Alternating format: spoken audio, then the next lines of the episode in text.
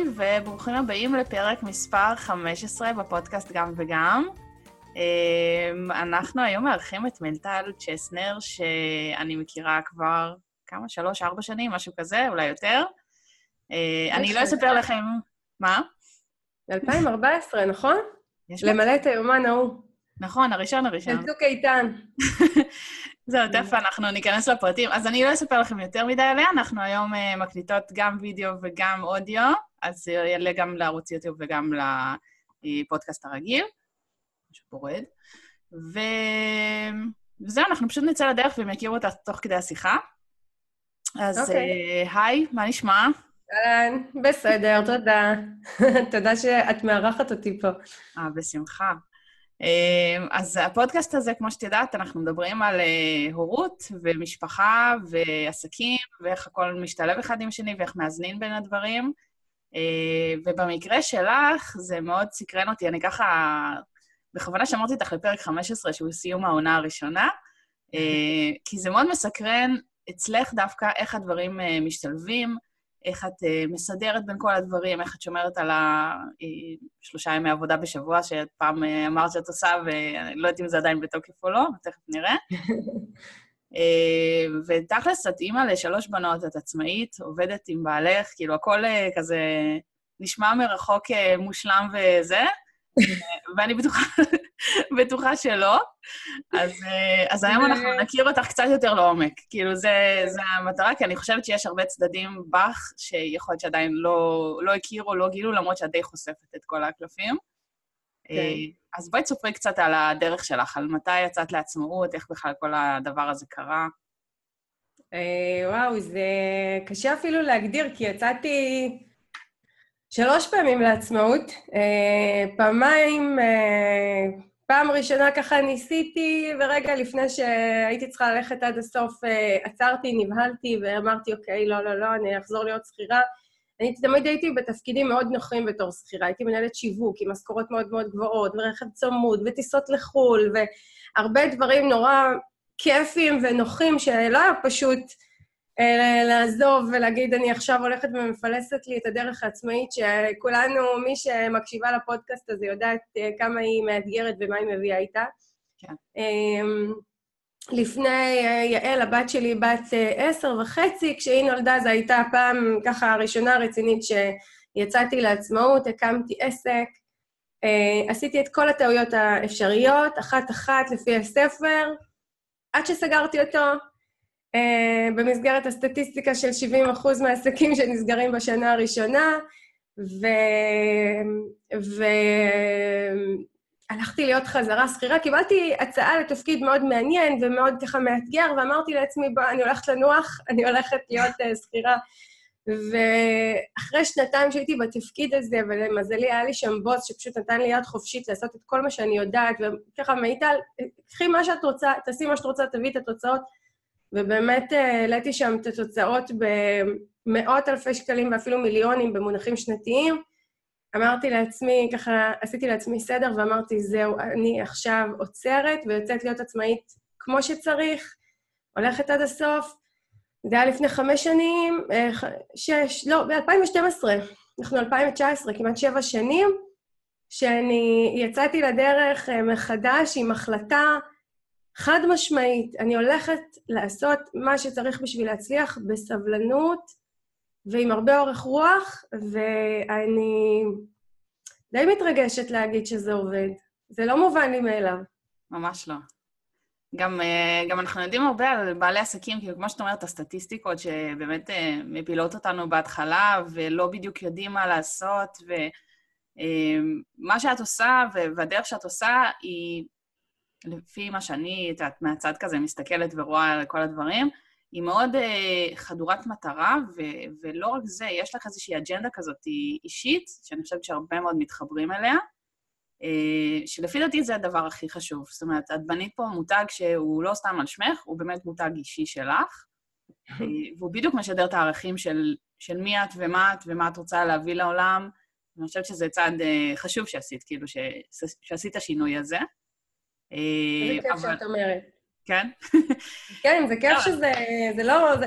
אני יכולה להגיד לך שכשפתחתי את העסק, בפעם הראשונה אה, קראו לו שיווק בראש. Okay. אוקיי. זה היה שם העסק, כן.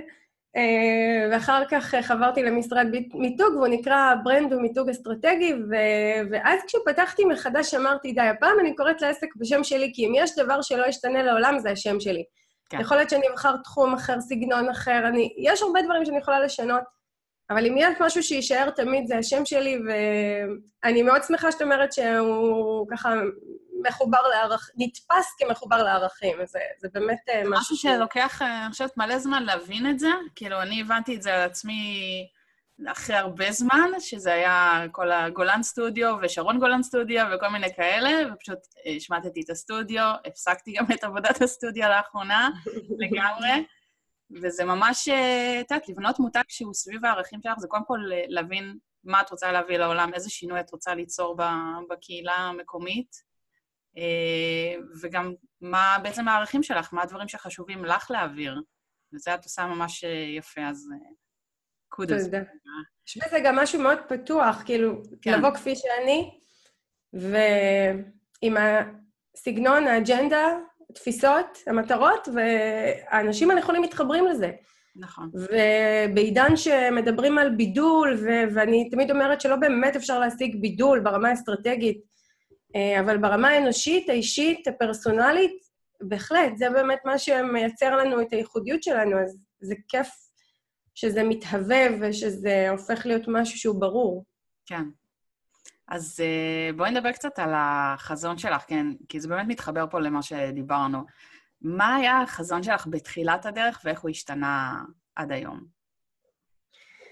Uh, היום בדיוק חשבתי על זה, uh, שהחזון הוא לא באמת השתנה.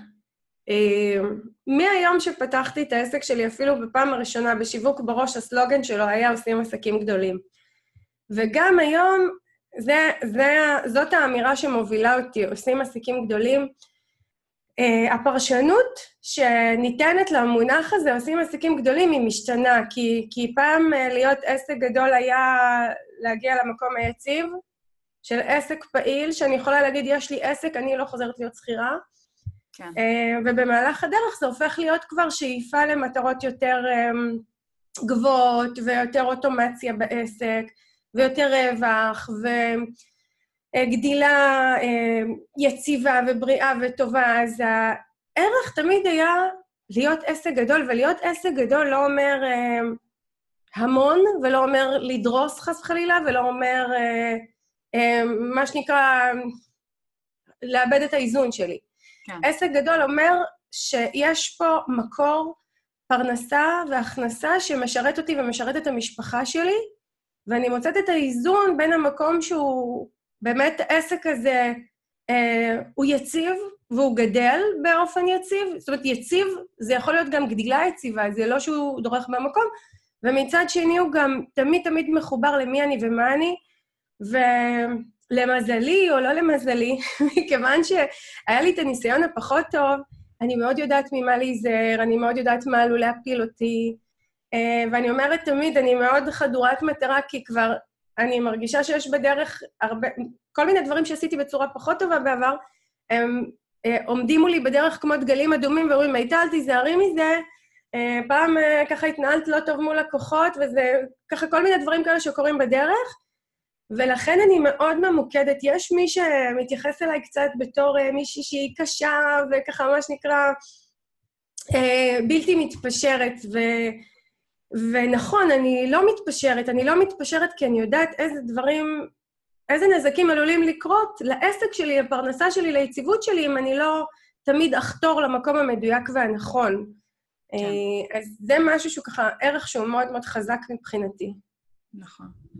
אה, ואיך את רואה את הדברים, כאילו, מתפתחים? מה, מה השאיפה שלך? איפה את תרצי להיות עוד כמה שנים, כאילו... וואי, את יודעת, זו שאלה ממש גדולה. אמ, אני, אני רוצה להמשיך לפרנס בצורה טובה את המשפחה שלי, וכשאני אומרת לפרנס מבחינתי זה שיהיה עתיד כלכלי, שאני אוכל לתת לילדות שלי ללמוד, ו- וככה לאפשר, לעזור להם כלכלית כדי לפלס את הדרך הפרטית שלהן. ו... וממש ככה לחיות את החיים היציבים, ומה שיכול לאפשר לי את זה, זה עסק שלי. העסק שלי הוא אמצעי אה, לחיים הטובים שלי, הוא לא מטרה בפני עצמו, ולכן אין לי מטרה אה, מספרית, אה, כך וכך סכום שאני רוצה. אין לי מטרה של כמה עובדים אני רוצה, ואין לי מטרה איזה בניין אני רוצה ומה צריך להיות רשום עליו. זה לא שם. יש לי מטרה להביא איזשהו סכום של רווח כל חודש, שישרת אותי והמשפחה שלי, ו, ו, וגם ש, שזה ייעשה בצורה מאוזנת מול החיים הפרטיים שלי, כי אני אומרת בכנות ולא ממקום יהיר, אני יודעת להביא הרבה מאוד כסף, אני יודעת, אז מה? אבל כסף זה לא הכל, יש עוד דברים חשובים, ואני לא רוצה לאבד את ה... בין אם זה האימהות שלי, ובין אם זה הערכים שאני מקנה לילדות שלי, ובין אם זה הזמן הפרטי והזוגי, ו... וזה האתגר הגדול שאני מתמודדת איתו, ו... וזאת הדרך שלי. אז uh, מטרה מספרית אין, כן יש איזשהו סכום שאליו אני חותרת, כן אני גם מצפה להכניס יותר ממנו כדי שיישאר תמיד אקסטרה ליום סגריר, uh, אבל זה מה שמנחה אותי. אבל מבחינת, אה, דווקא הפן של הכסף, אני חושבת שזה פחות, אה, זאת אומרת, ברגע שזה גדל ו- ומתפתח, זה משהו שכאילו יכול להישאר יציב לאורך שנים, ו- ורק להמשיך לגדול ברגע שאנחנו משקיעים בו. אבל דווקא בפן של ה... אה, כמו שאת מתארת בעצם, איך העסק משפיע על החיים האישיים, על הילדות, על, על זוגיות, על כל שאר הדברים, אה, כי כל הזמן בעצם צריך לשמור פה על, על האיזונים, גם מבחינת הלוחות זמנים שלנו, כמה זמן אנחנו משקיעות בעסק לעומת בבית, לעומת בעצמנו, שזה גם דבר שהוא מאוד חשוב, ואני ככה מאוד, אה, גם לקחתי ממך עם השנים, אה, לקחת את הזמן לעשות את הכושר, לעשות את המדיטציה, לעשות את כל הדברים שמחזקים את, ה, את המהות הפנימית שלי ונותנים לי את האנרגיות להמשיך לעשות את כל הדברים מעבר. אה, ואני חושבת שבפן של האיזון את מצאת פה איזה משהו שהוא מאוד אה, יפה, ואני חושבת שהלוואי ועוד בעלי עסקים אה, ישכילו לעשות את זה, באמת לאזן את הדברים. Hmm. ואת יודעת מה, לא רק עצמאים, גם שכירים. היום, ואני רואה את זה אצל בעלי שעובד בהייטק והמון שעות ומילואים וכאלה, ואני רואה את זה אצל הרבה הרבה מאוד חברים וחברות שלנו ש... שהם פשוט ככה, הם עובדים הרבה מאוד שעות. ו... ואני חושבת שצריך להיות איזשהו איזון יותר נכון. זאת אומרת, זה צריך להתאים כמובן לכל אחד, שכל אחד יהיה לו את המקום ואת הזמן שמתאים לו, את כמות השעות שהוא רוצה לבלות עם הילדים, או אה, בעבודה, וכמה רוצים להשקיע, וכמה צריך באמת להשקיע, כמה יש דרישה מה, מהמקום עצמו. אבל פה יש לנו קצת יותר חופש כעצמאיות, לבוא ולהגדיר, נכון. אוקיי, אלה השעות שלנו, זה מה שאנחנו רוצות לעשות, ובואו ננסה לעשות כמה שיותר אה, הכנסות וכמה שיותר דברים בשעות האלה. אז איך בעצם הגעת לאיזון הזה? כאילו, מה גרם לך לחשוב על זה? איך הגעת לכמות ימים שאת רוצה לעבוד, או... ספרי קצת על הלו"ז שלך. אני אגיד, קודם כל, אני תמיד אומרת שלהיות בעלת עסק זה קצת, לא קצת, אבל זה כמו להיות אימא. בסוף, גם אם את בחו"ל, את אימא. גם אם את בחופש, את אימא. והטלפון יגיע, ו... וכל הזמן ככה בשליטה, מה קורה עם הילדים. נכון שמישהו אחר נותן להם לאכול ולשתות ומשכיב אותם לישון, אבל אני עדיין אימא. ו... והרבה פעמים אומרים לי, רגע, מה זה שלוש פעמים בשבוע לעבוד? את לא פותחת אימיילים, את לא מתעסקת בכלל בעסק. ואני אומרת, זה ראש של שכיר. אנחנו עצמאים, אני תמיד אהיה בעלת עסק, גם כשאני הולכת לישון וגם כשאני בחופש. העניין הוא שאני לא עובדת, מה שנקרא, בין אם זה אצלי יש קורסים, אז אני לא מדריכה קורסים, אני לא בודקת משימות, ואני לא עונה על אימיילים שהם לא, מה שנקרא, דחופים. אם יש איזשהו משבר חמור, לא יודעת, לא מצליחה לחשוב על משבר מספיק חמור אה, שיכול לקרות, אבל אם, אם יקרה משהו ממש דרמטי, אז אני באמת אה, אתערב. אני כן בשליטה, אבל אני לא עובדת. אני יכולה להגיד שהיום אני... אמ, יש בי חתירה מאוד מאוד גדולה לאוטומציה ולעסק שהמודל שלו הוא מודל שלא תלוי בנוכחות הפיזית שלי, אה, וזה דבר שהוא מאוד מאוד חשוב, ואני אפילו לא מסתכלת עליו מההיבט האימהי, אני מסתכלת עליו מההיבט האנושי שלנו. אה, אני לא חושבת שאנחנו כל הזמן צריכים לעבוד, ועצמאים לפעמים טועים לחשוב שאנחנו נולדנו לעבוד מהבוקר עד הערב בדיוק הפוך, ו- ומכאן אני חותרת לאוטומציה, וזה הרבה פעמים דורש ממני התייעלות במוצרים ובשירותים ובבחירות שלי, ולפעמים אני עושה, אני יכולה נגיד אה, לספר שאני פחות אוהבת לעבוד עם עובדים, הרבה יותר כיף לי לבד, כי כי עובדים זה תובעני, צריך לנהל אותם, צריך uh, uh, להכשיר אותם ולעקוב אחרי התפוקות שלהם ועוד כל מיני דברים, אבל אני גם יודעת שבלי עובדים בצורה מאוד מוגדרת וספציפית שאני מגדירה, לא באמת תגיע למטרות שאני רוצה, ולכן אני כן עושה פה את ההתכווננות וכן מקבלת את זה שגם לעסק יש צרכים משלו שהם נפרדים משלי, כדי להשיג את אותן מטרות אה, ששמתי לעצמי. אז אני מאוד מאוד מקפידה על ההתייעלות הזו והאוטומציה הזו, ויש לה לפעמים מחירים ואני מקבלת אותם כי אני מבינה שיש לי מטרה גדולה. אז גם אם במהלך הדרך אני צריכה לעשות דברים שהם פחות נוחים לי ופחות הבחירות, מה שנקרא הפרטיות שלי, אני חותרת לזה, ו... והיום אני במקום שאני, רוב הזמן אני מנהלת את העסק, ולכן אני אפילו לא מדברת במונחים של כמה ימים אני עובדת. אני רוב הזמן זמינה, אני רוב הזמן גמישה. נדיר שאחת הילדות שלי תצטרך שאני אקפיץ אותה, אקח אותה, אחזיר אותה, אכין לה אוכל או כל דבר אחר, ואני לא אזמינה לעשות את זה, זה נדיר מאוד. אה, כי, כי כל מבנה העסק שלי והמקום שאני חותרת אליו הוא כזה שמשאיר לי גמישות כמעט מלאה, ו... וזה הסתכלות ניהולית על הדברים ולא ביצועית. וזה משהו שאני מביאה איתי אחרי הרבה הרבה שנים, אני תמיד מספרת שאני... אני 12 שנים לפני כן הייתי במותגים מאוד גדולים, ו... ו... ואת כל מה שלמדתי שם אני מביאה לעסק הפרטי שלי ולעסקים שאני מלווה, כי זה, אלה עקרונות. וזה לא משנה אם אני גדולה, אם אני קטנה, זה לא משנה אם אני שירות, מוצר, עיצוב, לא משנה. יש פה עקרונות שברגע שאני מפנימה אותם, וחותרת ליישם אותם, שואפת כמה שיותר להגיע אליהם, אז אני מגיעה לאותו מקום הזה שאני באמת באמת גמישה, ו...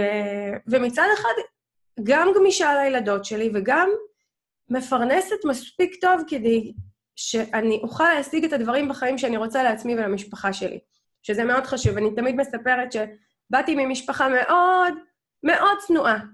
כלום. לא, לא באתי, מה זה לא באתי? אני רק בגיל 23 פעם ראשונה יצאתי לחו"ל, גרנו בבית מאוד מאוד צנוע, ומבחינתי אלה דברים שבאתי איתם, ההורים שלי אה, שברו תוכניות חיסכון בשביל לעזור לי ללמוד את התואר הראשון, שעדיין שני שליש ממנו אני מימנתי. אה, ו- וזה משהו שהוא מבחינתי בנפשי, א', היכולת שלי לעזור לילדות שלי כמו שההורים שלי עזרו לי, אבל לא ממקום הישרדותי שאני צריכה לשבור תוכנית חיסכון, אלא מה שנקרא להכין להם את הכסף להמשך. ומצד שני גם כן לאפשר רמת חיים טובה, אה, ככה שכל מה שאני עושה מגיע ממקום של חריצות, של שאיפה באמת לעשות את הדברים טוב ומאוזן ונכון, ולא ממקום של גרידיות שיש מי שמבלבל וחושב שאם אנחנו מדברים על רווחים גבוהים, אז זה אומר שאני גרידית ואני, ואני יהירה ואני רוצה לגזול מאחרים, זה כל כך לא המקום הזה. אמ, וזה המקום שאני פועלת ממנו, אותה יעילות שמאפשרת לי באמת להשיג מטרות שלי מבלי חלילה לפגוע באחרים, אלא להפך, לתת להם אה, ולעשות בשבילם טוב. האמת שאני חושבת שמה שאת uh, מעלה פה זה נקודה שקודם כל חשוב לדבר עליה. זאת אומרת, הנושא של, אה, של באמת אי השפע אינסופי, ואפשר להבין את זה, ולא צריך לחשוב שכל אחד שרוצה לעשות הרבה כסף הוא בהכרח גרידי או יהיר. לפעמים באמת הדברים האלה נובעים ממחשבה מאוד uh, מדויקת קדימה, והסתכלות על מה הדברים שאנחנו רוצים להשיג בחיים, מה הלייפסטייל שאנחנו רוצים לחיות בו, איזה גודל בית אנחנו רוצים. זאת אומרת, הכל זה... זה שאיפה של ההחלטות שלנו, וצריך להיות מאוד מאוד מחושבים גם קדימה לגבי הדברים האלה.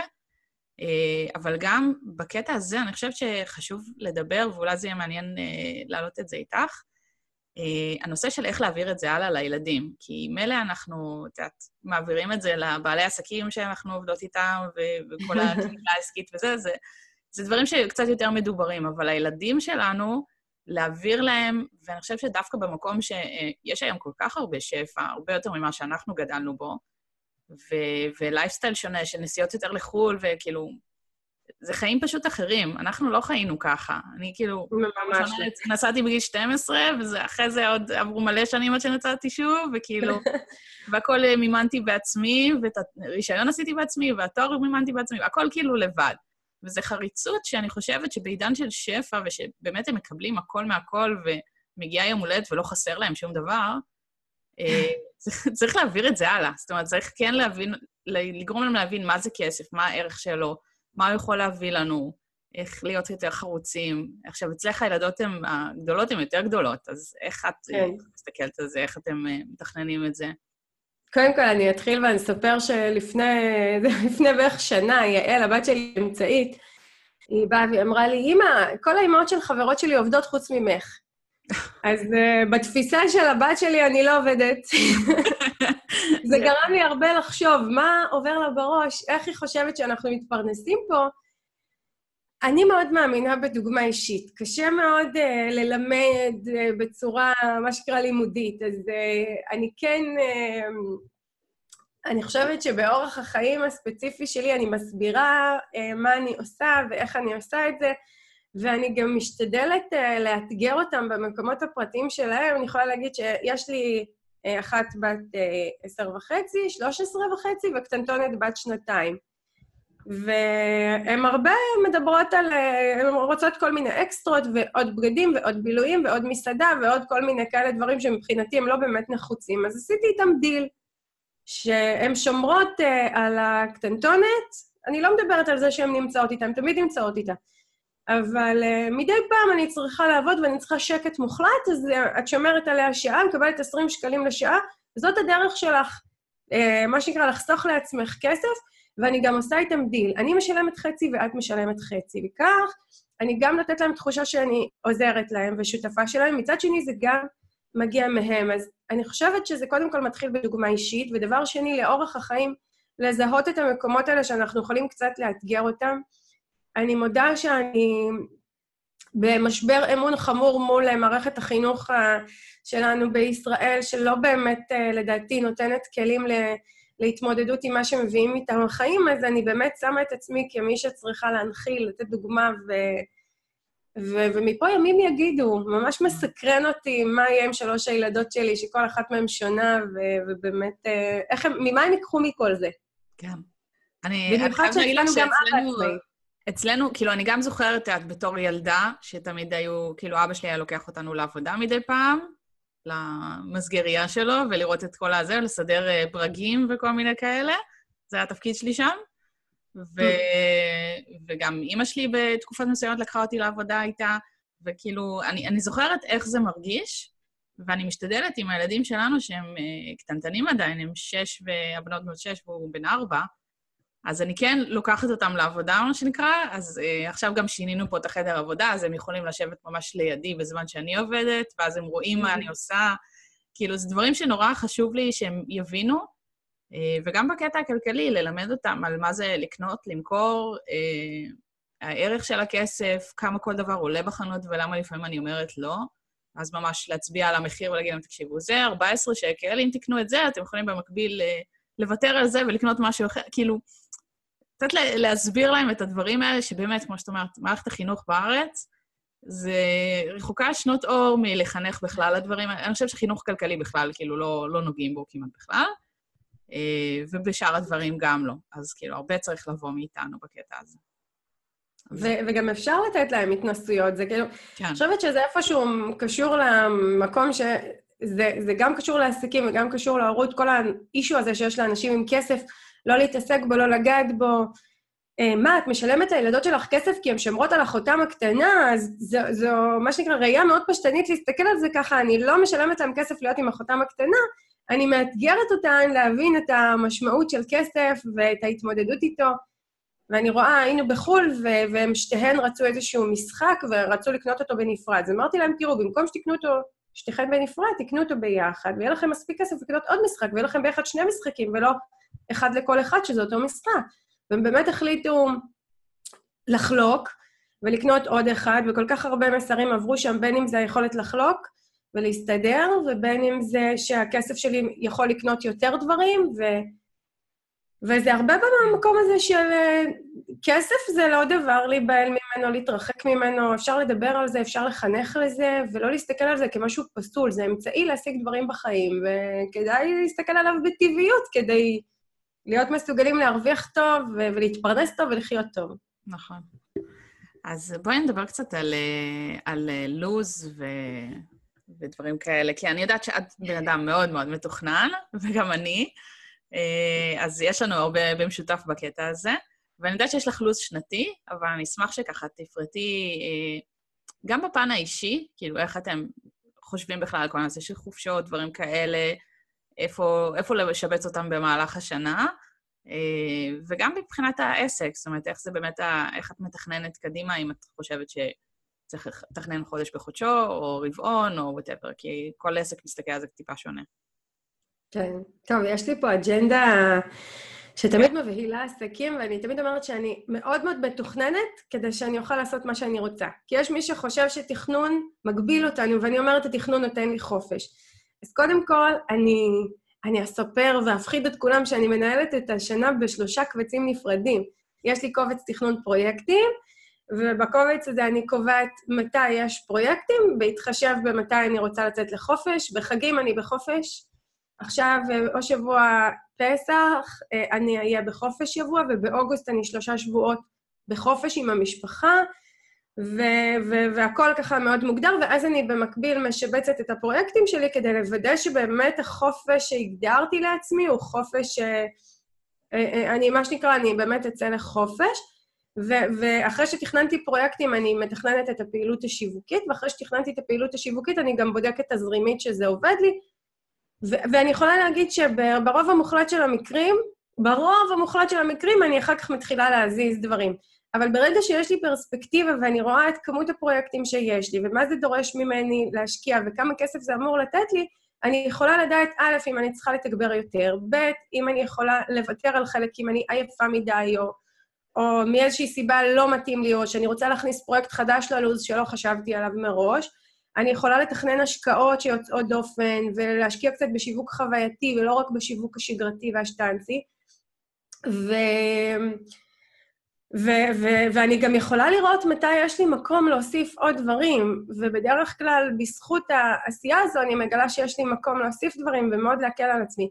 אז כן, אני מאוד מתוכננת. מצד שני, אני כמעט אף פעם לא פועלת בדיוק לפי התוכנית. התוכנית הזו נותנת לי פרספקטיבה, ו- ומה שנקרא, מה אני יכולה להזיז בתוכה כדי להשיג את המטרות שלי ולא להיות משועבדת.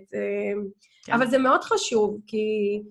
כי, כי אחרת אי אפשר, אי אפשר לסמן, אה, אי אפשר לצאת לחופש בראש שקט, כאילו, אני, אני לא יודעת איך אפשר, וגם אי אפשר באמת לוודא שאנחנו מגיעים לסכומים שאנחנו רוצים, ו, וגם אם אנחנו לא מגיעים לסכומים שאנחנו רוצים, לקבל פרספקטיבה, מה באמת יש לי, איפה אני נמצאת, להסתכל על הנתונים בעיניים, לא לברוח מהם, לטוב ולרע.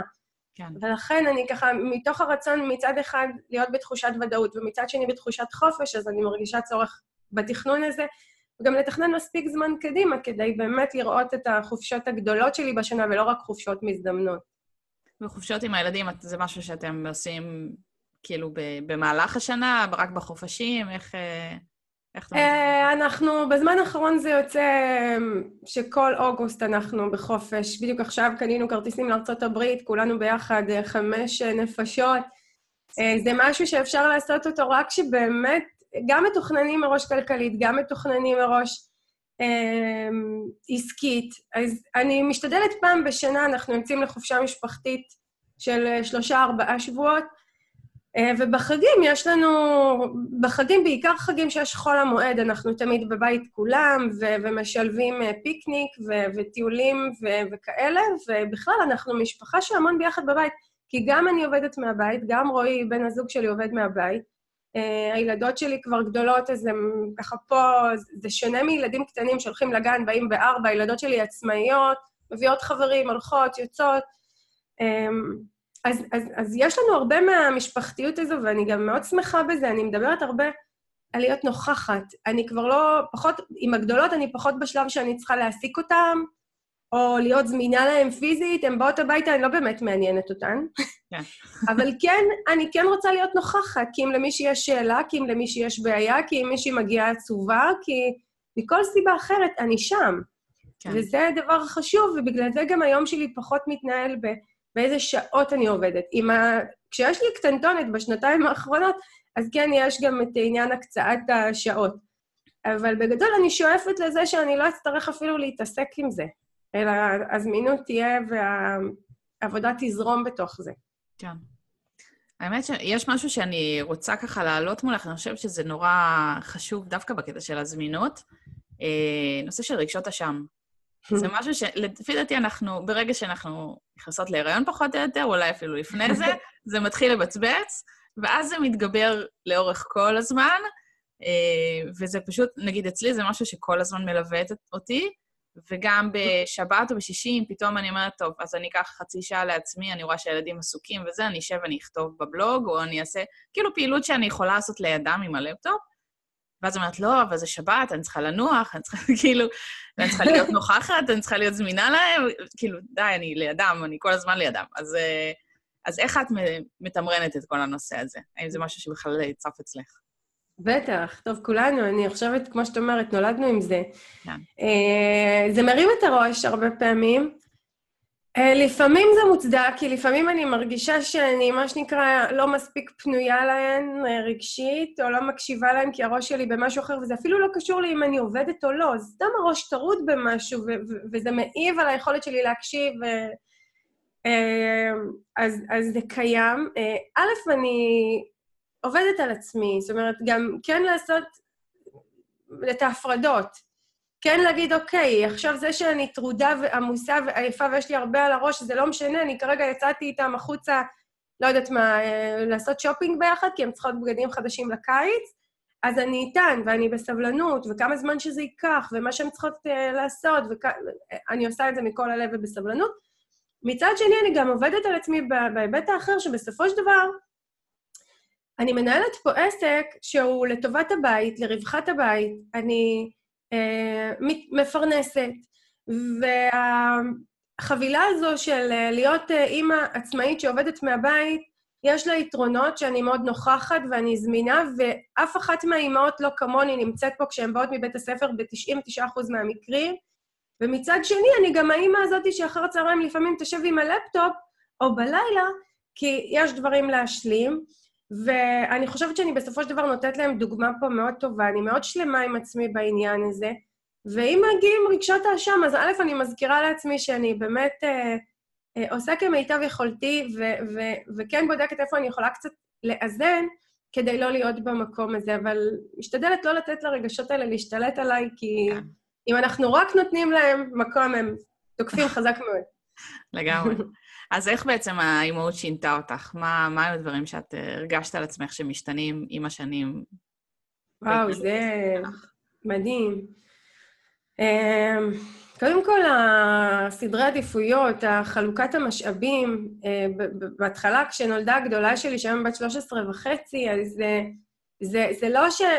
לפני כן, אם היה לי ככה את עצמי, והיה את הזוגיות וקריירה, אז פתאום באה הקטנטונת הזו ומשכה 99% מתשומת הלב. זה לא שהיא משכה עכשיו 40%, 30%, לא, זה כאילו הכל היה שם. אה, ואני אימא מאוד מתמסרת, כל אחת מהילדות שלי, גם הייתי איתן בבית כמעט שנה, והנקה מלאה, ועל כל המשתמע, זאת אומרת, אני מאוד חשוב לי. אה, אז במיוחד עם הגדולה, קודם כל, כמות עצומה של תשומת לב אה, הוסבה לשם, ולקח לי, אני אומרת בכנות, שנים למצוא את האיזון הנכון בין uh, להיות אימא, להיות, uh, להשקיע בעצמי, בעסק שלי.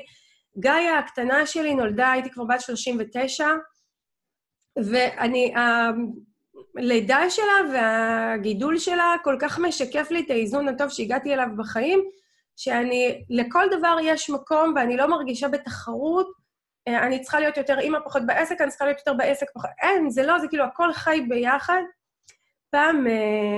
אחד הדברים שאני ככה נותנת תמיד דוגמה לעסקים שאני מלווה, כי הוא כל כך נכון, הייתי אצל איזשהו מטפל, והוא אמר לי, מיטל, אי אפשר להיות 100% אימא, 100% בעסק, 100% בזוגיות, 100% עם עצמך, אין לנו 400 אחוז, יש 100 אחוז. עכשיו, ה-100 אחוז הזה מתחלק. תרצי או לא תרצי, את מחלקת את תשומת הלב שלך.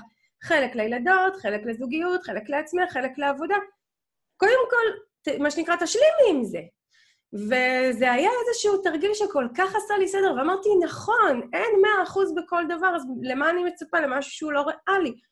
ועכשיו אני מסתכלת, ואני רואה שבאמת כמות מאוד משמעותית מהזמן מכוונת לילדות שלי, ואני חיה עם זה בשלום, עם האחוז הזה, שהוא לא מאה אחוז, אבל הוא חלק נכבד ממנו. כן. אז האימהות לימדה אותי לאזן, אני חושבת, יותר מהכל, והיא לימדה אותי שיש השלכות מאוד משמעותיות לכל דבר שאני עושה, ויש אחריי דור שמקבל הרבה מסרים, ו... וזה משפיע על כל החיים שלהם, אז לא יודעת, אני חושבת שגם גורם לי להיות בת אדם יותר טובה, אם אפשר להגיד את זה ככה, בלי להיתפס לקלישאות. כן. האמת שאצלי מה שראיתי, השינוי המשמעותי, זה מצד אחד באמת כמות השעות שירדה משמעותית בגלל ה... זה שאני איתם, והייתי איתם בשנים הראשונות, וגם כשהם חזרו לגן, אז הם בגן עד אה, שתיים או ארבע, כאילו, תלוי, תלוי בגנים. ואז השאיר לי מעט מאוד זמן כביכול לעסק. אה, מצד שני, במעט מאוד זמן הזה, אני היום מנהלת שני עסקים במקביל, ועוד משהו שמתהווה, ו... ומצליחה לשלב את הכל, ואני, להפך, יש לי יותר זמן לעצמי, יותר זמן לכושר, יותר זמן לכל השאר הדברים שאני רוצה לעשות, ואני סופר, סופר יעילה. אני הרבה יותר יעילה ממה שהייתי בכל העשור שקדם אה, לזה, ובתור אה, שכירה גם, כאילו, וכמה שעבדתי בתור שכירה מאוד מהר, היום אני הרבה יותר יעילה. אני כאילו יודעת מה אני רוצה, ומאוד, אה, גם ברמה האסטרטגית מאוד יודעת לאן אני חותרת ומה אני רוצה להשיג. וזה דברים שאני חושבת שכאילו האימהות מאוד uh, ככה נתנה לי סטירה ש... שפיקסה אותי, והבנתי מה חשוב ומה להתמקד, ושאם יש לי שעה לעבוד או שעתיים לעבוד ביום, כי זה הזמן שהבייביסיטר בא, אז בשעתיים האלה אני אוציא ואני אעשה מהם אלף אחוז ולא uh, מאה. אז זה משהו שככה מאוד, uh, מאוד תופס, ובאמת אני מאוד התחברתי לגישה שלך של לעבוד רק כמה ימים, וכאילו להשאיר זמן ל... כל ההתנהלות מעבר, וגם כשזה נשמע מרחוק, שאנחנו כביכול, נגיד, אני תמיד אומרת, אני מסיימת לעבוד בשתיים, עכשיו באחת אפילו, בחופשה, ובחופש אני לא זמינה, וזו גם הייתה הסיבה שסגרתי את הסטודיו, כי הבנתי שאין מצב שלקוחות יאפשרו לי להיות לא זמינה, תמיד יש איזה בלטם, זה תמיד גם מגיע לפני החג או לפני הנסיעה לחו"ל, ואצלנו, נגיד, אני נוסעת, אנחנו נוסעים לחו"ל אה, בחודשים לא קשורים. כאילו, כן. עכשיו אנחנו נוסעים במאי, שזה זמן שהוא כזה בין לבין, וב... כן, כל עוד הילדים לא בבית הספר. זהו, בבית ספר, כאילו, שנה הבאה כבר יש לנו איזה טיול מתוכנן, אבל זה weekend לפי דעתי. אה, נראה מה יגידו בבית ספר, מקסימום נרשום להם פתק. כן. אבל uh, עכשיו זה מאוד גמיש, כי הם בגן, וכאילו, אף אחד לא באמת uh, אומר לנו, זה לא בסדר שהם לא, ב, לא בגן. כן. לא, לא, את לא מבינה, זה מגיע מהילדים. זה לא, כאילו, יש לי פה בת 13 וחצי שלא מוכנה להפסיד, אז כן, זה לא אני אפילו. זהו, זה גם זה, נכון. אבל, אה, אבל פה באמת לא אכפת להם, זאת אומרת, הם זורמים איתנו, ובכיף, ו, והייתה מאוד חשובה לי הגמישות הזאת. כי גם בפן של להיות זמינה לילדים, אז הוא לא נמצא הרבה מהשנה, הוא גם בחו"ל, ובכל מיני דברים שכאילו חייב להיות שם, הוא לא, לא יכול לפספס. אז לי היה חשוב להיות מאוד זמינה גם מעבר לזה. אם מישהו חולה, אז להיות הזאת שזמינה. אה, ותמיד כאילו לתת את המקום גם לזה, ולא להרגיש שזה לא בסדר, או שאני עושה עוול לאיזה לקוח, או משהו כזה. והיום באמת כשאני יוצרת אה, דברים שהם יותר אוטומטיים ויותר uh, עובדים בפני עצמם, ו- וקהילות שמתפקדות גם כשאני רק באה וכותבת איזה פוסט אחד ביום, וכאילו הכל סבבה, ונראה שאני סופר פעילה, אבל בעצם עבדתי חמש דקות, אה, זה עדיין עובד. זאת אומרת, אפשר ליצור את הדברים האלה, ויש, אה, האמת שהוא עוד לא יצא לאוויר, אבל יש פרק אה, בפודקאסט עם ליאור וקנין, שגם יצר את העסק של חביתותים, לא יודעת אם את מכירה. לא, מעניין. אז תכירי, יש לו עסק מדהים, וכל העסק מבוסס על אוטומציה, ובעצם יוצא שהיום הוא עובד בערך שעתיים בשבוע על העסק הזה, ויש לו עוד שני עסקים חדשים שהוא עכשיו בהקמה שלהם.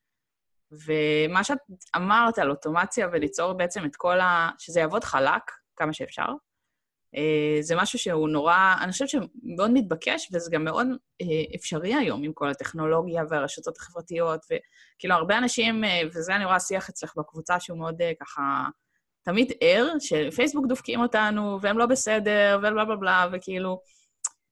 זה, זה לא ככה, להפך, יש, לה, יש להם כל כך הרבה אפשרויות, לעשות דברים וליצור דברים ולהפוך למותג ולמכור אה, מוצרים ושאנשים יכירו ויקנו, שזה פשוט צריך לקחת את ההזדמנות הזו בידיים, כאילו לעשות אותה, לא אה, להישאר מאחור ולהגיד, זה העסק שלי ואני נשארת ככה. נכון. אני תמיד מספרת שאני 20 שנה בשוק, ואם היו אומרים לי לפני 20 שנה כשהתחלתי, או אפילו לא לפני הרבה זמן, לפני עשר שנים, כשהייתי מנהלת שיווק לפני עשר שנים, אם היו אומרים לי שתהיה לי, יהיו לי כאלה מערכות שמאפשרות לי בסכומים יחסית זעומים, מה זה אלף, אלפיים שקל בחודש uh, לשיווק? זה כאילו, אני תמיד מספרת שבאתי עם תקציב של 150 אלף דולר למשרד פרסום, ואמרו לי, אין מה לעשות עם התקציב הזה. ו- ובאמת יש לנו היום מערכות זמינות שמאפשרות לנו גם אוטומציה ו- וגם uh, תוצאות מאוד מאוד יפות. ו- וגם האמת שיש הרבה דברים שהם חינמים. זאת אומרת, גם חינמים. הוא מאוד מאוד סמלי. נגיד, ליצור פודקאסט, אני למדתי את זה לבד, עשיתי את זה לבד. העלות של זה השנתית היא ממש זעומה, זה עניין של כמה מאות שקלים על האחסון של זה ועוד כמה שטויות. זהו. כן. וזה תוכן שיש לי תמיד. נכון, גם מתנות דיגיטליות שאת מלמדת, זה נכון. אותו דבר. אני משתמשת המון המון במתנות הדיגיטליות, והיום זה אחת מצורות השיווק, שהכי, אני מחברת את זה לעוד כל מיני uh, ערוצים שיש לי, וזה מגביר את המעורבות של הקהילה בצורה מטורפת, וזה עניין של אה, עשייה, זה אפילו לא עניין של כסף. נכון. אה, אז, אז לגמרי, לגמרי, אני חושבת שאנחנו חיות היום בעידן שבאמת מאפשר לנו לנהל את העסק ביעילות ו, ו, ולאזן בין הרבה דברים בחיים. תראי, אני אומרת את האמת, אני עובדת מאוד קשה. אני עובדת מאוד מאוד קשה, אני מנהלת עסק גדול עם המון מורכבויות, עם סכומים מאוד גדולים שמתגלגלים בו, עם... Uh, עם אה, עובדות, עם אה, המון לקוחות, עם ציפיות, כי בסופו של דבר גם הכנסות גבוהות מביאות לקוחות עם ציפיות גבוהים וגבוהות, סליחה. ושאף אחד לא יחשוב שמה שנקרא, אני נחה על זרי דפנה, גורפת הכסף ונמצאת בים כל היום. אבל האיזון בין איך שהחיים שלי מתנהלים, כמות הזמן שאני משקיעה והאנרגיה ביחס להכנסה והרווח, הם מאוד מאוד יעילים וטובים, אה, ביחס לכל דבר אחר שהייתי עושה בחיים שלי. זה משהו שהוא מאוד אה, חשוב שאני חותרת אליו. נכון. אני גם מאוד מתחברת לכל מה שאמרת. אני, אני חושבת ש...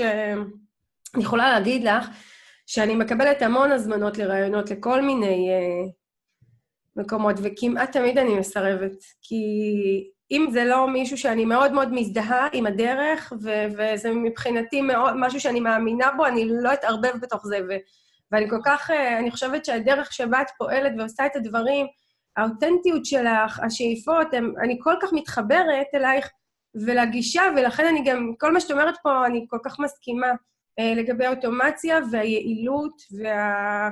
אני תמיד אומרת שמרגע שילדתי את גאיה הקטנה שלי, העסק שלי התייעל וגדל פי שבע. עכשיו, אלה לא סכומים שאני ממציאה לשם הפוסטים, זה באמת אמיתי. ולהיות אימא לתינוקת הביא אותי למקום שאני צריכה להיות כל כך יעילה ומדויקת כדי להספיק הכל, וזה פשוט הביא לקפיצה מטורפת בהכנסות שלי. יש מי שחושב שעם תינוק אנחנו אמורים לרדת בהכנסות, ממש לא, הכל עניין של יעילות. אז בהמשך למה שאמרנו. ראיתי את זה באמת גם אצל אה, רוחמה שהיא פרסמה לאחרונה, שגם כאילו מאז שהילדה נולדה וזה, והיא פשוט כאילו אה, שינתה את כל המודל העסקי שלה, הפכה את הכל להרבה יותר אוטומטי, ואני חושבת שזה כל כך מתבקש, ש, שכאילו, וגם אפשר ללמוד איך לעשות את הדברים האלה, איך ליצור את המוצרים הדיגיטליים ואת המתנות ואת כל הדברים שבעצם עובדים בשבילנו, וליצור, אה, את יודעת מה, אפילו מעבר לאוטומציה התהליכית של, אה, של ליצור מערכות שעובדות בשבילנו וכל הצד הטכני. ברגע שניצור תהליכי עבודה נכונים שעובדים בשבילנו, נגיד, יצרתי פודקאסט, מה השלבים שאני צריכה לעשות? לפני הפרק, אחרי הפרק, אה, מתי אני מתזמנת את הפרקים, כאילו כל, כל המסביב, ברגע שיוצרים איזשהו streamline של, של הדברים האלה, ושזה עובד חלק, זה פשוט עובד. כי זה מסודר נכון. לנו בראש, זה יורד לנו מהראש, אנחנו לא צריכים להתעסק בחשיבה מחדש על איך כל דבר עובד, והאמת שדווקא זה מתחבר למה ששמעתי אותך בוובינר האחרון, שעוד לא סיימתי לשמוע, אה, על, על איך כאילו ליצור את כל, ה, את כל הדברים אה, בצורה מאוד מאוד מסודרת ומאוד מבנית. אה, וזה כאילו, זה פשוט הכל מתחבר אחד לשני. ברגע שבונים את התהליכים אה, נכון, ובונים אותם פעם אחת נכון ומתמידים בהם, זה פשוט עובד. זה נהיה הרבה יותר קל והרבה יותר כיף, ו, וגם אפשר לפנות את הראש לדברים אה, חדשים ש, שצצים כל הזמן. כי תמיד יש נכון. הזדמנויות, תמיד יש דברים חדשים לעשות, תמיד יש דברים מעניינים, תמיד יש פניות מאנשים שבואי נעשה ככה במשותף ובואי נעשה ככה במשותף, וצריך לדעת איפה לשים את, ה, את הפוקוס שלנו ועל מה, מה באמת חשוב לנו לעשות. וזה נראה לי הנושא האחרון שאנחנו ככה נדבר עליו לפני הסיום, על באמת מיקוד. כי מאז שהקמת את העסק האחרון שלך, את סופר סופר מפוקסת, לפחות זה נראה ככה מהצד.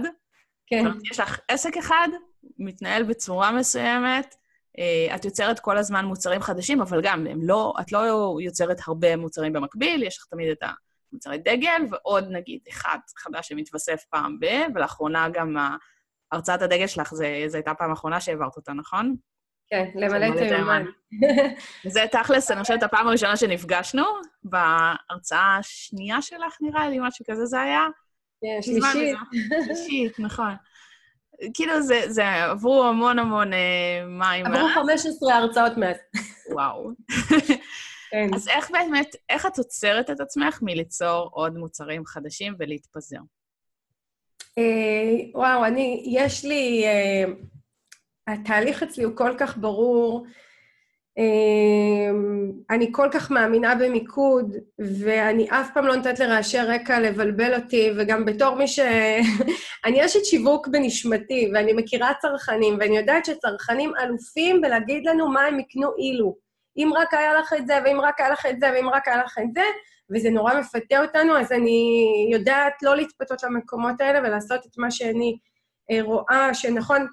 אמ, אני, התהליכים אצלי מאוד בנויים, ואני מאוד מכוונת למקום שמחבר בין מטרות כספיות, הזמן שלי, היכולת והאנרגיה השיווקית שלי, כי צריך בסוף להביא אנשים לקנות ולצרוך את כל הדברים שאנחנו עושים, כן. ו- ומה אני אוהבת לעשות. וזה בעצם שלושה דברים שצריך לאזן ביניהם, ו- ואני תמיד בודקת שזה חופף למה שאני רוצה ואוהבת לעשות, שזה מייצר לי את המטרות הכלכליות ושזה לא הולך...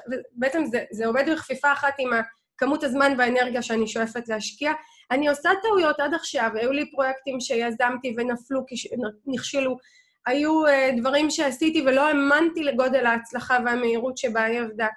Uh, אז אני כן גם מתנסה, אבל אני מאוד מאוד מאוד יודעת מה אני רוצה. אני מנהלת את ה... יש לי עכשיו קורס שנקרא מתקדמים בעסקים, והראיתי את זה למשתתפים, המשתתפות. אה, אני מנהלת את ה... אני מנהלת שני קבצים נפרדים לזמן שלי ולכסף שלי. זה לא ביחד, אני לא מתמחרת את עצמי לפי שעות, אני לא מתמחרת את עצמי לפי פרויקטים, אני בעצם תמיד שואפת לרווחיות מאוד מאוד גבוהה, ובמקביל שואפת למינימום שעות, וזה שני דברים שאני מנהלת אותם בנפרד, ו- בגדול זה מה שמנחה אותי, אני מאוד מאוד קשובה לקהל, אני תמיד מקשיבה ו- ויודעת לגרום לזה, מה שנקרא לארוז את זה בצורה נכונה, שזה ייתן לקהל את מה שהוא רוצה, שזה ייתן לי את הסכום שאני רוצה, אמ, וזה לא יגזול הרבה מדי זמן, ו- ואני גם אה, מאוד, מנ... את אומרת בכנות, אני מנוסה. זאת אומרת, יש משמעות לניסיון, כי אני כבר יודעת באיזה מקומות לא ליפול. אני מאוד, אה, אני משווקת מאוד בקפדנות ומאוד בעקביות, כדי שתמיד תהיה את הקהילה שתקנה, וזה דבר שהרבה עסקים אה, מפספסים. אה, נפח הקהילה, עומק הקשר איתה הוא מאוד מאוד חשוב, וזה משהו שאני עובדת עליו כל הזמן, כדי להיות מסוגלת לבחור מה אני רוצה לעשות, לבחור מה אני רוצה למכור, ולבחור באיזה אופן אני רוצה למכור אותו. וזה פקטור משמעותי, כי כשיש קהילה נאמנה, שבאמת אני בונה אותה יום-יום, זה לא דבר שנגמר, תמיד צריך לעבוד על, על, על בניית הקהילה והרחבה והעמקה. אה, זה מאפשר לי בעצם את אותו מיקוד. כן. אה, אני מקווה שעניתי, אני מרגישה שקצת התפזרתי בעצמי בתשובה הזו. האמת שזה, שזה משהו שאני אישית, אה, לפחות בשנה האחרונה, ככה מאוד עשיתי עבודה עצמית על הקטע הזה, של לא להתפזר ולהתמקד ולהבין מה הדברים שאני טובה בהם. מה עושה לי את הפרפרים בבטן, וכמו שאת אומרת, גם מה, מה נכנס לי בלוז. כי בסופו של דבר יש לי כמות שעות מוגבלת מאוד, ואני רוצה להספיק כמה שיותר דברים, אבל מצד שני אני לא רוצה להתפזר מדי, ולא רוצה לעשות דברים שלא מרגשים אותי ב-100%. ו- וזה משהו ש...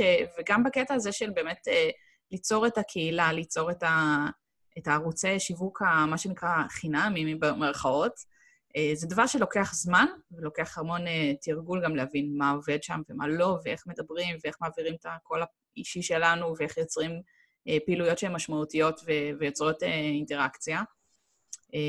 וגם כאילו באמת לעשות השקעה בדברים הנכונים, ולא להתפזר מדי, ולא ליצור יותר מדי פעילויות או יותר מדי דברים במקביל, אה, כאילו כן לקחת ולהבין שיש יש סדר לכל דבר, וכל דבר יכול לקחת גם זמן, ולא צריך לרוץ קדימה ב, בשיא הקיטור שלנו בשביל לא, גם לא להרוג את עצמנו מדי. כן.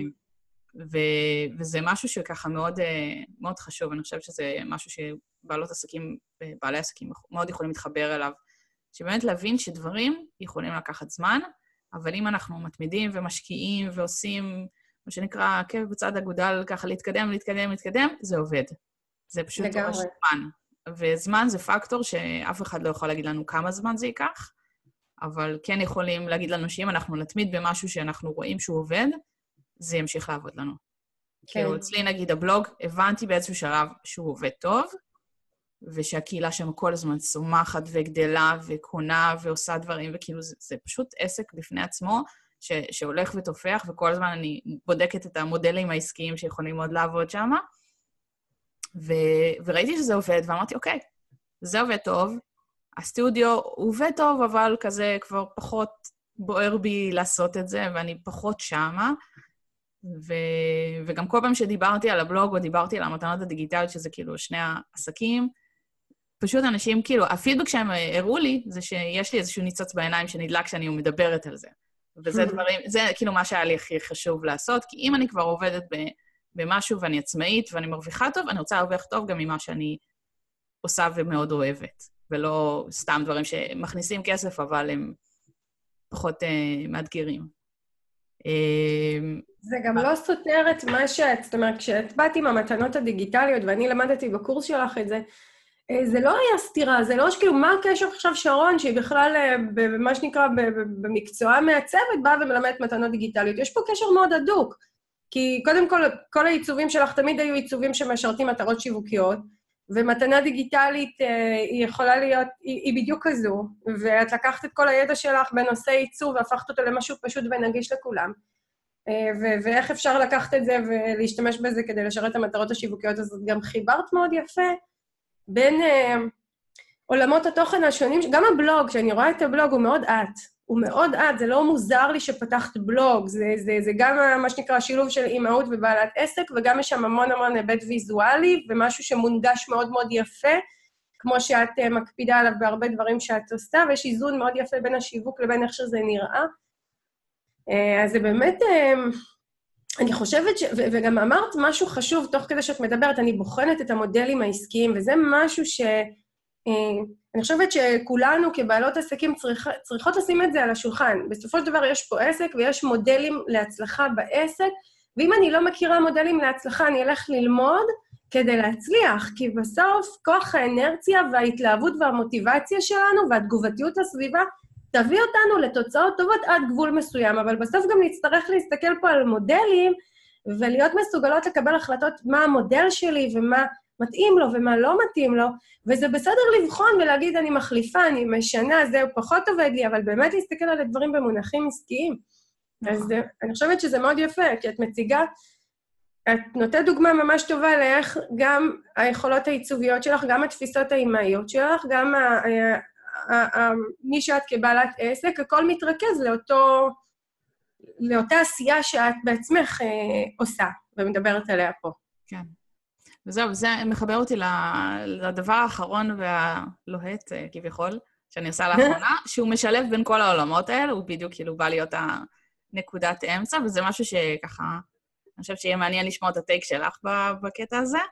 אמ, פתחתי קבוצה חדשה, ואני עוד לא שיתפתי את השם שלה עד היום, אבל זה נקרא אה, בלוגים עושים עסקים. וואלה. שהיא מגניבה, היא ממש בהתחלה שלה, יש שם איזה מאה וקצת איש, אה, והמטרה שלה היא לקחת בלוגרים שהם ותיקים יחסית, ויש להם traffic טוב, והם רוצים לעבוד עם עסקים, רוצים לבנות מודלים עסקיים בבלוג שלהם, רוצים להרוויח כסף מהבלוג, ולחבר אותם עם בעלי עסקים קטנים בינוניים, שהם רוצים לעבוד עם בלוגרים, מבינים את הערך שלהם, ו, ובעצם ליצור את ה connection הזה, ומעבר ליצור את החיבורים ואת יודעת, הקטע הטכני הזה, אה, יותר ללמד את שני הצדדים, ללמד אותם מה האפשרויות, איזה מודלים עסקיים בכלל קיימים, אה, מה האפשרויות של בעלי עסקים לעבוד עם בלוגרים, איך עושים את זה בצורה נכונה. כל, כל הפרמטרים האלה, זה בעצם הכל יתרכז לשם, לתוך הקבוצה, ובהמשך אה, גם מתוכנן לזה מודל עסקי בשביל מפני עצמו כזה. אבל זה עוד ככה בהתגבשות, אז כאילו לא, לא סגורה על הסוף. אבל, אבל זה משהו שככה כבר שנים מאוד בוער בי, פחות או יותר מאז שבלוג היה בן שנה בערך. והבנתי שזה משהו שלא כל כך מדובר פה בארץ, כן קיים בחו"ל, זאת אומרת, בלוגרים בחו"ל יודעים לעבוד עם מותגים קטנים, גדולים, whatever, עסקים יודעים לעבוד איתם, זה דבר שהוא כאילו מאוד אה, מסודר ובנוי כבר, ופה בארץ אין. שממה, כאילו, באמת, אה, כאילו, יש קצת תוכניות affiliates, יש עכשיו מערכת חדשה של affiliate שנכנסה לארץ, של אנה ברודי.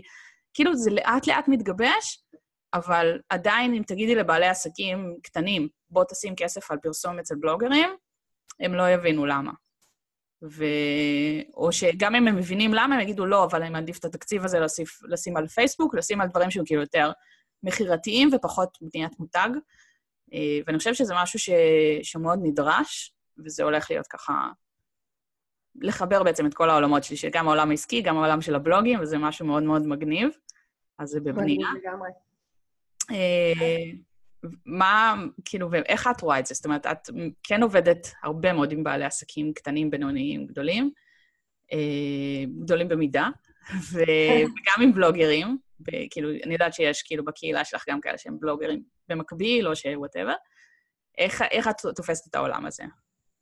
אני חושבת קודם כל שזה משהו, אני יכולה להגיד לך שבבית ספר לשיווק, ואני סיימתי את התואר השני שלי לפני 12 שנים, אה, כבר אז אה, היה קורס מאוד מעניין שלמדתי, כי פעם אה, היינו משתמשים במובילי דעת קהל כדי לקצר את הדרך וימליצו על המוצר שלנו, אבל אותם מובילי דעת קהל, שיש להם קהל עוקבים של מיליונים או יותר, היו מאוד מאוד מבוקשים והיה נורא קשה להגיע אליהם. ובמקום זה אמרו, במקום זה ת, ת, תמצא אה, ב, אה, 20 אנשים שיש להם 100 אלף איש, במקום למצוא אחד שיש לו 2 מיליון. ו- וכך תקבל את התפוצה שלך מבלי שזה יעלה לך הרבה, כי גם הבלוגרים הקטנים יותר גם מוכנים לעבוד בפחות. וזו הייתה איזושהי גישה שיווקית שהייתה בזמנו לפני 12 שנים חדשני. אה, ויש פה פוטנציאל אדיר, אני מאוד מאמינה בזה. אני חושבת שאנחנו, אסור לנו להתבסס על שיטת שיווק אחת לעולם. אני יכולה לספר שהיום אה, עלה להעביר איזשהו פוסט שלי שבניתי המון המון על פרסום ממומן שיחזק אותו ויסגור לי הרשמה לאיזשהו משהו, ומ... אתמול פייסבוק לא מאשר לי את המודעה, אין לי מושג למה, כנראה איזשהו באג. והנה, מה שנקרא, נתקעתי, ואם לא היו לי עוד ערוצי תקשורת, אה, זה עלול לחבל לי בקמפיין. אז גם חייבת שתהיה פה עוד דרך שיווקית, וזו דרך שיווקית מצוינת. אני חושבת ש, שתהיה פה אחריות לשני הצדדים. תהיה פה קודם כל אחריות לבלוגרים, להגיע לתפוצה מספיק רחבה, כי אה, ישראל היא מדינה קטנה מצד אחד, מצד שני אנחנו מדינה שהצריכה והקנייה מאוד גבוהה ביחס לעולם, אז אה, הם יצטרכו לשאוף למצוינות ובאמת להגיע לתפוצה גבוהה, כי בלוגרים ש- שעוקבים אחריהם אה, כמה מאות בודדות של אנשים, באמת יהיה קשה לשכנע אותם, מה שנקרא, יהיה להם קשה לשכנע את העסקים, אבל אם הם באמת יחתרו לבלוג מאוד מצליח, ולהבהיר את היתרון הזה לבעלי העסקים, אז יכול להיות פה, יכולה להיות פה דינמיקה מאוד טובה, מאוד חיובית, אה, שתתרום לכולם, גם לבעלי העסקים, גם לבלוגרים וגם לצרכנים, שתעקוף את אה, עלויות הפרסום הגבוהות, ואני ממש בעד ומאוד מקווה שכל מי שנוגע בזה יעשה את זה מספיק טוב כדי שזה יצליח. נכון. זה גם משהו שכאילו אני רואה אצל הרבה בלוגרים, כמו שאת אומרת, יש, יש את הבלוגרים שעושים את זה בשביל הפאן ובשביל ה... אולי, את יודעת, זה, זה מכניס להם איזשהו כסף צדדי נחמד, ויש כאלה שאמרו, אוקיי, אני מבין, מבין, מבינה שיש פה פוטנציאל עסקי גם, ואני מבינה שיש קהל ש, שרוצה לקרוא את התכנים האלה, שזה חשוב לו, שזה מעניין אותו, ועכשיו בואו נראה איך אני עושה מזה כסף.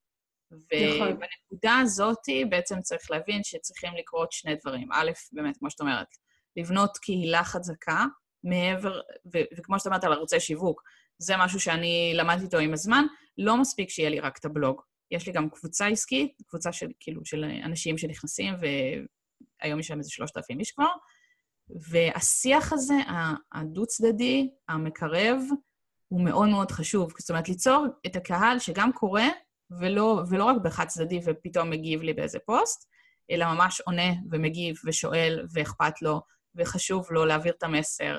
זאת אומרת, יש פה דברים שהם מעבר לחשיבה של עכשיו אני אצור מלא מלא פוסטים. נכון. וגם להבין שצריך לבדוק איזה מודלים עסקיים עובדים לנו, מה לא עובד, למה הקהל מגיב, למה הוא לא מגיב. זאת אומרת, כל הבדיקות האלה שאנחנו עושים כבעלי עסקים, אפשר גם לעשות אותם וליישם אותם על, על הבלוגים שלנו. אה, וגם מבחינת העסקים, דווקא הקהילה של העסקים הקטנים, הבינוניים, שהתקציבים שלהם הם מאוד מוגבלים, כמו שאת אומרת, 1,000-2,000 שקל בחודש, זה יכול להיות להם מאוד מאוד גבוה.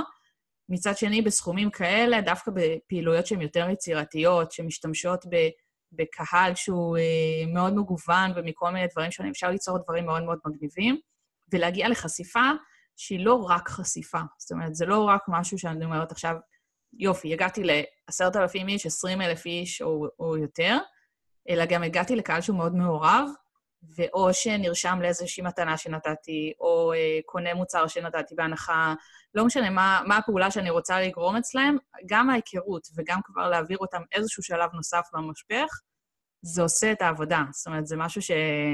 שיכול ליצור אה, מעורבות מאוד מאוד גבוהה כלפי המותג שלנו, גם אם אנחנו עסק קטן. זה לא... זה שאנחנו קטנים, זה לא אומר שאנחנו צריכים להישאר קטנים. אפשר לעשות דברים מאוד מאוד יצירתיים ולא בתקציבים מאוד גבוהים בשביל להגיע לקהל מאוד רחב. אני אומרת תמיד שעסק קטן זה לא עובדה, זה תוצאה. כן. היא תוצאה של ההתנהלות שלנו, ובסופו של דבר אני יכולה להשפיע אה, דרך ההתנהלות שלי על גודל העסק שלי והמקומות שהוא מגיע, ובאמת, כסף עוזר לנו, אני לא אגיד, הוא עוזר לנו פרסום ממומן, עוזר לנו לפרוץ ככה את הגבולות הראשונים, אבל הוא ממש לא אינדיקציה להצלחה, והוא לא פקטור, אה, בטח לא היחיד ובטח לא המשמעותי, אה, והיצירתיות שאת מדברת עליה היא, היא, היא בוא נגיד, היא מקור ה...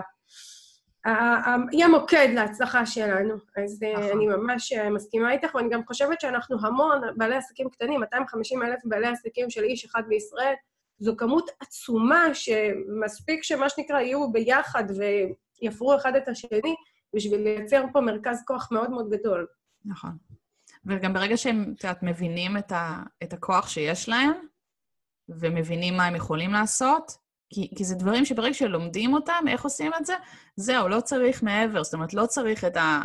שיגידו לי מה לעשות. אני יכולה לבוא ולפעול, ואם יש לי איזשהו אינדקס כזה, אז אני יכולה לבוא ולהסתכל ולבחור מי מתאים לי, מי לא מתאים לי, מי מדבר את הערכים של... דברים שהם מאוד חשובים לנו כבעלי עסקים, באמת, להעביר, ש, שזה יהיה את ה connection הטוב, אה, אבל זה שיטת עבודה ממש, כאילו, בחו"ל זה עובד ממש טוב, ואין סיבה בעולם שזה לא יעבוד בארץ, גם עם קהלים קטנים יותר. זאת אומרת, אנחנו לא צריכים אה, בלוגר שיש לו אה, 20 אלף, 100 אלף אה, כניסות בחודש, בשביל להגיע לקהל שיקנה מאיתנו. כי לפעמים מספיק לנו למכור 100 חתיכות מאיזשהו פריט, אנחנו יכולים לעשות אחלה זה ולהגדיל את העסק שלנו בתור עסק קטן. זה, זה כאילו מספרים קטנים ומאוד משמעותיים לגדילה שלנו. נכון. צריך לחשוב במספרים הקטנים והמדויקים ו- וליצור מעורבות, ולא לא להישאר במקומות האלה שאוקיי, אני לא יודע איך עושים, אז אני לא אעשה את זה. זה, זה בכלל עיקרון שחשוב שכולנו נפנים, לבוא עם המון פתיחות ללמוד, ולא לחשוב שאנחנו יודעים הכל, ולא לתת רק לאינטואיציה לנהל אותנו, ו- ובאמת אה, ללמוד זה דבר חשוב. אני כל הזמן שואפת ללמוד, אני תמיד חיה בתחושה שיש לי עוד כל כך הרבה מה לדעת, ויש לי תואר ראשון ותואר שני והמון שנים של ניסיון. אבל אה, הלמידה הזו היא... זה כאילו המון המון, צריכה להיות בנו המון פתיחות. המון פתיחות, להקשיב, להתנסות, כי זה מבטיח, אנחנו אף פעם לא יודעים מאיפה תבוא הפריצה. באמת, זה, זה משהו שקשה מאוד לתכנן. אני יכולה לתכנן לו"ז, ואני יכולה לתכנן פרויקטים, ואני יכולה לתכנן הכנסות, אבל את הפריצות דרך הכי משמעותיות, אני לא תכננתי. הם קרו תוך כדי עשייה, ודברים מדהימים קרו תוך כדי עשייה, שהיא מה שנקרא לא פנקסנית מול התוצאות, אלא עשייה ממקום של פתיחות לנסות ולראות מה קורה. נכון. אז, אה, אז גם פה זה קשור. נכון. Uh, טוב, אז ככה, השאלה האחרונה לסיום, uh, שאני אעשה אותה שאלה מחוברת. קודם כל, מה היית מייעצת למי שפותח היום עסק עצמאי, וגם מה היית מייעצת לעצמך בתחילת הדרך? אמ, מי שפותח עסק עצמאי, אני חושבת שזה שני דברים. אחד, להכין אה, תוכנית כלכלית, לפחות לשנה הראשונה, כי השנה הראשונה היא מאתגרת. אני כשהתחלתי, יצאתי לדרך עם תוכנית כלכלית לשנה, איך אני שורדת בלי הכנסות במשך שנה, בין אם זה, ב... הייתי אמורה לקבל פיצויים ממקום העבודה ודמי אבטלה ועוד כל מיני כאלה. לשמחתי לא הייתי צריכה אותה, אבל עצם זה שהייתה לי תוכנית, זה נתן לי שקט נפשי ופניות להקים את העסק כמו שאני רוצה ולהגיע להכנסות טובות. אז זה דבר ראשון, ככה להסתכל על הדברים ממקום מאוד פרקטי, אה, ולבוא עם המון פתיחות ללמוד. כי עסק עצמאי, יש הרבה עקרונות שאפשר ללמוד, ויש הרבה דברים שיכולים לקצר לנו את הדרך, ו, ויש דרך לנהל אותו שמאוד, לדעתי, חשוב לעצור וללמוד אותה, גם אם אנחנו מרגישים שאנחנו יודעים. ברגע שבאתי ללמוד, אני בודקת שלא פספסתי כלום, אבל גם לגלות המון פתיחות למה שתביא איתה הדרך, כי בעסקים לימודים לא מבטיחים הצלחה. לימודים מבטיחים שאני הולכת בדרך הנכונה להצלחה. אני צריכה ללכת בדרך. כן. זה משהו שצריך לזכור. Uh, לעצמי, בתחילת הדרך, אני חושבת ש... שוב, בסיבוב הנוכחי, שבו ממש נקרא, עשיתי את הדברים נכון מההתחלה, אז, אז, מההתחלה התנהלתי נכון, אבל אז, כשפתחתי את העסק הראשון שנכשל, uh, הייתי אומרת לעצמי, את יכולה להשיג מה שאת רוצה. ו... וזה לא משהו, אני מודה, זה לא ישב לי עד הסוף. היה לי המון חשש שזה לא יצליח, שזה לא יעבוד, שזה לא בשבילי, והחשש הזה נכנס לנו לתוך העסק ואי אפשר להסתיר אותו, לא מעצמנו ולא מהלקוחות. אז אם יש משהו שממש חשוב לצאת איתו לדרך, זה תחושת הוודאות הזו שאני יכולה להביא לחיים שלי מה שאני רוצה, אם אני רק אפעל נכון ובנחישות. כן. זה, זה, זה המסר שלי. תשובה נהדרת. תודה. אמ, טוב, אז אני חושבת שאנחנו נסכם להיום. היה מרתק. ממש. אני בטוחה שמלא אנשים אה, ייקחו מזה הרבה מאוד דברים טובים אה, לדרך שלהם. אה, תודה. משהו שאת רוצה ככה להגיד למאזינים לסיום? לצופים? מה, איפה אפשר למצוא אותך? מה, אה, אז אוקיי, כן, שיווק וכזה. קודם כל, אני בגדול, מה שאני עושה, מלווה עסקים להצלחה דרך כל מיני תוכניות, אז מי שרוצה יכול, אה, יש לי אתר, יש לי עמוד פייסבוק פעיל, ויש לי קבוצת פייסבוק פעילה, ופרופיל אינסטגרם ובלוג, ובאמת הרבה ערוצי תקשורת פעילים, ויוטיוב שהוא קצת פחות פעיל, אבל uh, מי שרוצה, פשוט תחפשו מיטל צ'סנר, כנראה תיפלו על משהו, ומה שמתחבר לכם, תמשיכו משם. יש לי מתנות דיגיטליות מהממות ששרון לימדה אותי לעשות. וזהו, היה לי כיף, היה לי מעניין. תודה לך, שרון, על ההזדמנות לבוא ולהגיד דברים שאני מאוד מאמינה בהם, וגם לשמוע ממך דברים שאני מאמינה בהם, ולאחל לנו ולכל מי שמקשיב בהצלחה ענקית, כי, כי כולנו פה הולכים דרך שיש בה המון אתגרים, ואני תמיד אומרת שהחבילה הזו של עסק עצמאי זו חבילה, יש לה צדדים טובים, יש לה צדדים פחות טובים, לא הכל ורוד. אנחנו לא ברי מזל ולא מה שנקרא זכינו באיזו זכות, לא, בחרנו חבילה שיש לה כל מיני משמעויות, אנחנו כנראה אוהבים אותה אם אנחנו עושים אותה. ומכאן פשוט לאחל לנו, שיהיה לנו תמיד את הכוח ואת היכולת ואת הצלילות והבריאות להביא לעצמנו מה שאנחנו רוצים, כי אנחנו יכולים להביא מה שאנחנו רוצים. אמן. אה, וזהו, אנחנו בעצם מסיימים פה את העונה הראשונה של הפודקאסט. העונה השנייה, אני כבר מתחילה הקלטות אה, ברצף כזה, אז היא סביר להניח שאתם תשמעו אותה במהלך הקיץ, כי יש עוד אה, פרקים משתחררים אחת לשבועיים. אה, וזהו, ושיהיה לנו אה, דרך צלחה, מה שנקרא. רק נמשיך לעשות עסקים גדולים. בדיוק, אחלה משפט. וזהו, שיהיה אחלה יום. אז יאללה. תודה, שרון, ובהצלחה בפודקאסט. תודה רבה. תמשיכי עם הדבר המהמם הזה שעשית פה. תודה רבה. להתראות. להתראות. ביי ביי.